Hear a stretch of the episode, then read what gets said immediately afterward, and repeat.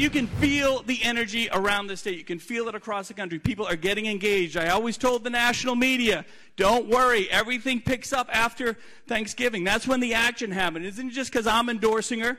It's because people are getting involved. People are coming out of the woodwork to come to the town halls, to fill the rooms, to see what's really happening out there. And when you look at her poll numbers, when you look at the ground game that Nikki has laid, it's been absolutely unbelievable. And that's what these people say to me. They say, look, Governor, we're like you. We were with Trump in 16. We were with Trump in 20. But things are too critical. So we're just going to say a polite thank you for your service, Mr. President. We're moving on. The question is, did they come for you or did they come for me? You're in charge. You're in charge. I mean, it doesn't get any better than this. To go and get endorsed by the live free or die governor is about as rock solid of an endorsement as we could hope for. Nikki Haley en gouverneur John Sununu hoorde je in New Hampshire. En John Sununu is de gouverneur van New Hampshire. En hij, dat hoorde je zojuist ook, steunt Nikki Haley. Ja, om een paar redenen breng ik dat uh, te bedden. Om aan te geven hoe belangrijk soms uh, steunbetuigingen, hè, endorsements uh, kunnen zijn. En ook hoe onbelangrijk die soms kunnen zijn. Wat er momenteel gebeurt in New Hampshire en wat de laatste peilingen laten zien. Dat komt eigenlijk allemaal samen in dit fragment. Allereerst even John Sununu. John Sununu is de zoon van een voormalig gouverneur van New Hampshire ook. Hij is nu ook zelf gouverneur van New Hampshire. En net als zijn vader is ook hij ontzettend populair. New Hampshire is natuurlijk altijd een bijzondere staat. De tweede staat waar er voorverkiezingen plaatsvinden na Iowa. Maar het is de eerste staat waar die voorverkiezingen uh, ja, ook echte voorverkiezingen zijn. Het zijn uh, primaries. Dat betekent dat iedereen gewoon naar de stembus gaat. En als 20% van de mensen op jou stemt, uh, dan zie je dat ook. Hè. 20% van de mensen stemt bijvoorbeeld op Nikki Haley of Trump, ik noem maar wat. Maar net als vrijwel alle andere staten gaan alle punten naar de winnaar. Dus degene met de meeste stemmen die krijgt alle punten. Maar daarmee is New Hampshire wel de eerste echte primary state. Want de enige staat die hiervoor zit is Iowa. Die is eind januari. Maar dat is een caucus. En dat heb ik al in een eerdere podcast uitgelegd. Dan moet je met z'n allen een gymzaal in. Het is een heel ingewikkeld systeem. Dan moet je elkaar overtuigen. Er worden de punten uitgedeeld. Nou ja, de echte eerste staat waar mensen naar de stembus gaan, lang verhaal kort, is New Hampshire. Uh, en dat maakt dat ze daar zichzelf ook altijd terecht heel belangrijk vinden. Ik ben er ook nog een paar weken terug geweest. Uh, ik ben onder andere naar die uh, town hall meeting van Chris Christie geweest. Men vindt dat men daar een belangrijke taak heeft, want daar zijn ze eigenlijk de eerste staat die een selectie maken in die selectieprocedure waarbij een presidentskandidaat wordt geselecteerd. Kijk, Iowa, door dat gekke systeem, heeft altijd winnaars gehad die lang niet altijd de presidentsverkiezingen uiteindelijk wonnen. Hè, of in ieder geval presidentskandidaten werden. bij de vorige republikeinse voorverkiezingen in Iowa won Ted Cruz notabene. Dus Iowa is heel belangrijk. Maar de eerste echte grote testcase is uh, eventjes na Iowa en dat is New Hampshire. De live free or die state. Hè. Ze vinden zich daar ook. Uh, um, nou, ze vinden daar eigenlijk dat ze het conservatisme hebben uitgevonden. Dat ze daar het conservatisme ook in de praktijk brengen zoals dat eigenlijk hoort. Namelijk live free or die. Hè. live free or die. Iedereen moet heel veel vrijheden hebben. ik herinner me een paar maanden terug dat in de krant stond dat de subsidies voor onderwijs, hè, de bijdrage van de staat aan uh, het onderwijssysteem daar, dat die ter discussie stonden, omdat heel veel mensen zonder kinderen zeiden, ja, waarom moet ik betalen voor het onderwijs van iemand anders kinderen? Hè? We zijn nu toch allemaal individueel uh, in deze staat en we houden toch zo erg van onze vrijheid hier. Je hebt bijvoorbeeld ook geen gordel nodig om in New Hampshire te rijden. Dus heel erg eigenzinnig wat dat betreft. En zo zien ze ook hun belangrijke positie in dat selectieproces van hun presidentskandidaat. En dat maakt eigenlijk dat waar normaal gesproken hè, steunbetuigingen niet heel veel uitmaken. Iedereen is als je een presidentscampagne in Amerika start op zoek naar geld, hè, rijke donateurs, maar ook op zoek naar endorsements. Uh, belangrijke figuren in de Republikeinse Partij, senatoren, congresleden, maar met name ook gouverneurs die jou kunnen steunen. Maar in het Trump-tijdperk zijn die steunbetuigingen gewoon minder veel waard dan dat ze vroeger waren. Uh, vroeger was het echt heel belangrijk, waren het ook belangrijke nieuwsmomenten. Tegenwoordig uh, ja, is, is, is, eigenlijk het belangrijker om gewoon veel airtime te krijgen op televisie. Hè? Iets wat Trump natuurlijk bij uitstek doet en waar hij ook heel goed in is. Door al die uitspraken die hij doet en al die ruzies die hij maakt. En nou, het feit dat hij ook gewoon heel erg mediageniek is. Er is één uitzondering, zou je kunnen zeggen, en dat is deze gouverneur Sununu van New Hampshire, omdat hij ontzettend populair is in zijn staat. En ook een van de weinige presidents, uh, of tenminste presidentskandidaten, een van de weinige politici is, moet ik zeggen, die overeind weet te blijven in um, toch het Trump-tijdperk waarin je of Trump kan steunen of tegen Trump kan zijn. Maar als je tegen Trump bent, dan word je kapot gemaakt. Zie bijvoorbeeld Liz Cheney. Um, deze man die laveert heel goed tussen beide bewegingen. En dat hoor je net ook een beetje in uh, uh, de soundbite die ik heb uitgesneden, waarin hij uh, Nikki Haley steunt. Hij zegt eigenlijk: Joh, ik ben hartstikke blij met Trump. Trump, fantastische kerel. Maar ja, bedankt voor uw service, meneer de president. Maar nu gaan wij door als partij. Vindt u het erg? Hij heeft een hele luchtige manier van spreken. Ehm, eh, een hele optimistische manier van spreken ook. Praat heel snel. Wat dat betreft herken ik mijzelf wel een klein beetje in hem.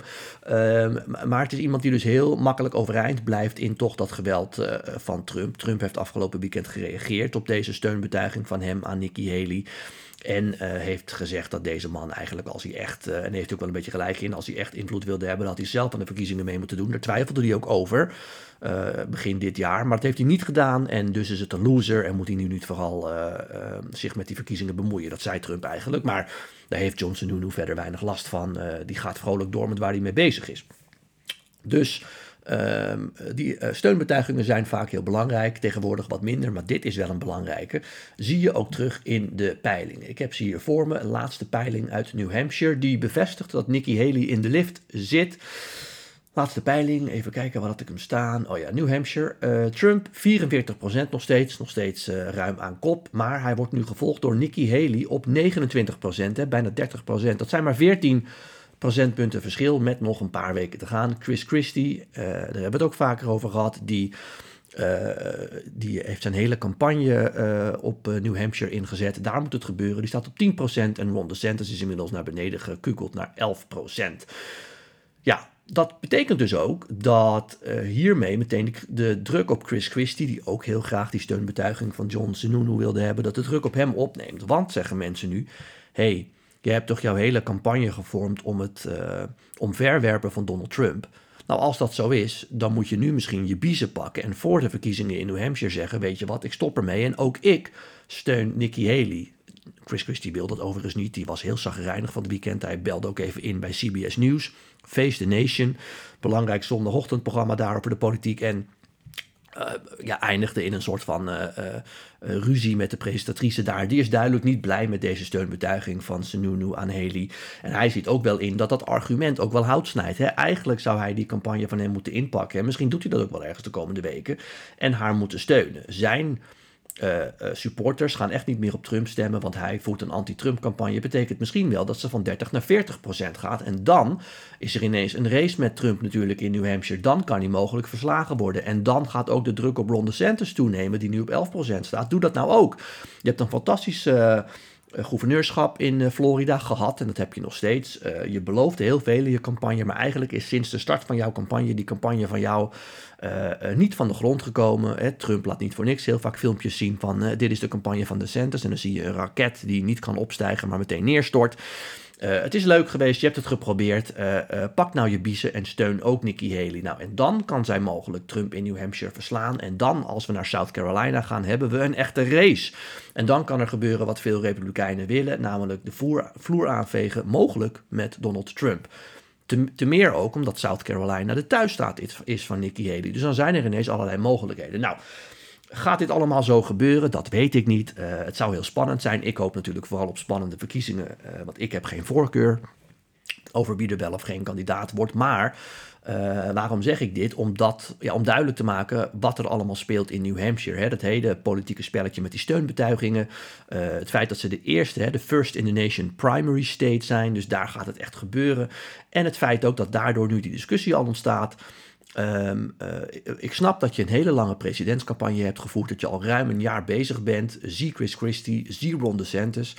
Uh, maar nu en, en, ik kan me ook voorstellen dat je dan zegt, dan wil ik in ieder geval even New Hampshire afwachten. Ik wil in ieder geval een paar stemmen hebben gekregen. En als dat er dan heel weinig zijn, kan ik alsnog met mijn campagne starten. Maar we zitten nu in een unieke situatie. En dus rijst ook de vraag, moet je dan niet nog voordat er ook maar één stem is uitgebracht, de eer aan jezelf houden. Misschien is dat voor je uh, persoonlijke PR ook wel beter.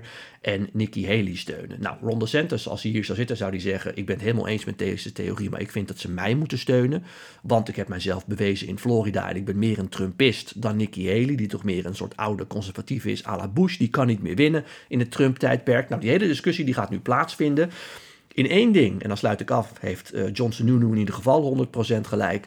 Nu beginnen die voorverkiezingen pas echt. We zijn al een jaar bezig, maar goed, uh, eigenlijk zijn de meeste uh, Amerikanen er nog niet echt mee bezig. In New Hampshire zijn ze er vanwege hun speciale status wel al heel lang mee bezig. Maar ook in New Hampshire zullen kiezers vooral na de kerstdagen, na de feestdagen, begin januari eens denken: hé, hey, naar wie gaat mijn stem nu eigenlijk toe? En dat hele spel gaat nu beginnen. En ja, uh, wie daar gaat winnen, we weten het niet. En dat maakt het dus heel spannend. Gaat Trump omvallen? Die kans is klein, maar dat is het enige wat ik hiermee wil zeggen. Het is zeker niet onmogelijk. Goed, tot zover wat mij opviel. Dan naar jullie vragen. Die hebben jullie weer keurig ingestuurd via Twitter, Instagram en LinkedIn. Ja, en daarover gesproken. Ik zit tegenwoordig ook op threads. Ik doe daar niet zo heel veel, maar uh, ik vind wel mooi dat uh, Instagram heeft gezegd: joh, er is van alles gaande op Twitter. Uh, laten we, hè, op X tegenwoordig, laten we daar een alternatief voor bedenken. Dus vandaar dat ik daar ook op zit. Ik moet er meteen bij zeggen: ik ben nog steeds het meest actief op zowel Instagram als vooral X. Uh, ik vind X een heel fijn platform. Ik heb niet zoveel last van allerlei bedreigingen. Ik snap dat het er is, maar ik zie daar weinig van. en ik vind het altijd heel erg leuk hoe jullie daar reageren en ook veel vragen stellen. Dus ik blijf daar nog vooral actief. Maar ben je nou zelf ook actief op threads, dan kun je me daar ook volgen. Um, en verder ook even een, een uh, laatste verzoek om, als je dat nog niet gedaan hebt, om je ook in te schrijven op mijn nieuwsbrief op remomens.nl.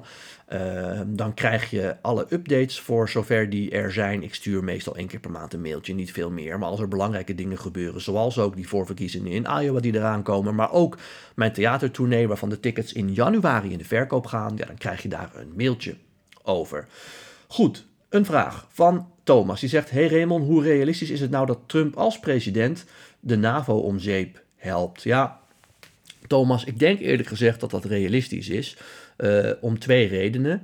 Hij vindt nog steeds, en dat vinden heel veel Republikeinen, dat Europa veel meer moet betalen. En het feit dat er nu nog steeds, terwijl er een oorlog woedt op het Europese continent, landen zijn die niet aan die 2%-norm uh, voldoen, zeg maar het lidmaatschap van de NAVO is voor hem een, uh, een, ja, een no-go. Uh, en dat maakt dat hij ook heel veel steun heeft in zijn eigen partij om daar in ieder geval kritisch op te zijn. Maar echt de stekker uit de NAVO trekken, ja, veel partijgenoten van hem willen dat niet. Maar ik, ik, ik acht het niet onmogelijk, omdat uh, hij in zijn vorige kabinet heel veel traditionele republikeinen om zich heen had verzameld. Die heel vaak tegen hem zeiden: Nou, meneer de president, ik snap wat u zegt, maar uh, kunt u niet een boos Twitterbericht sturen? Of kunt u hem of haar niet ontslaan? Kunt u niet andere dingen doen? Maar uh, laten we vooral hè, de NAVO in stand houden of op andere onderwerpen. Zeiden ze dat ook van: laat ons dat nou proberen te regelen voor u. Laten we niet al te drastische acties ondernemen. En de kans dat al die traditionele republikeinen die Trump af en toe in het gareel hielden, hè, vanuit de traditionele Republikeinse partij bezien dan dat die er straks ook nog zijn, is klein. Dus dan is de kans veel groter dat Trump uh, ja, dit soort acties kan, uh, kan ondernemen. Uh, Jason die stelt vervolgens een vraag. Hey Raymond, zou het niet leuk zijn om je Amerika-podcast ook op YouTube te plaatsen met video's? Ja, Jason, Vind ik een leuk verzoek. Ben ik uh, naar aan het kijken. Maar ik moet je heel eerlijk zeggen, ik ben gewoon ontzettend veel dingen aan het doen. Waaronder ook deze podcast. En als ik hem ook nog op moet nemen, uh, dan moet ik zorgen dat die camera uh, goed staat. Ik moet er ook nog een beetje fatsoenlijk uitzien. Terwijl heel vaak zit ik hier in mijn, in mijn, in mijn sportkleding met een petje op.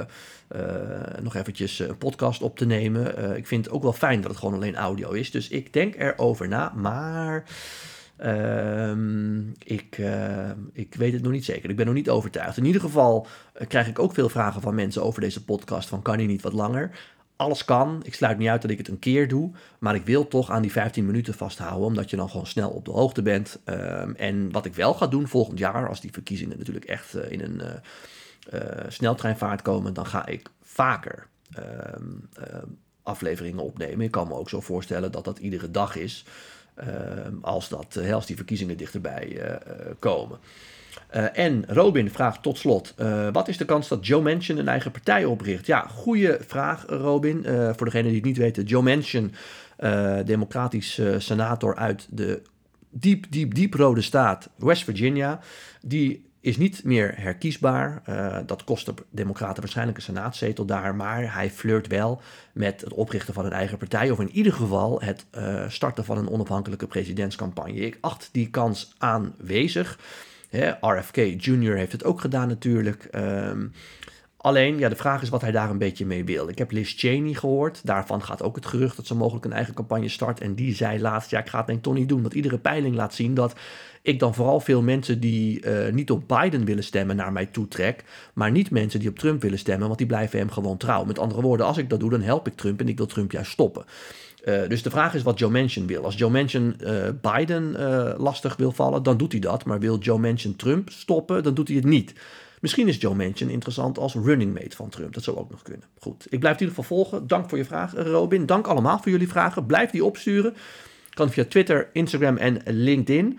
Uh, ik maak nog één speciale kerstaflevering. Dan ga ik een beetje terug en vooruitblikken op het afgelopen en het volgende jaar.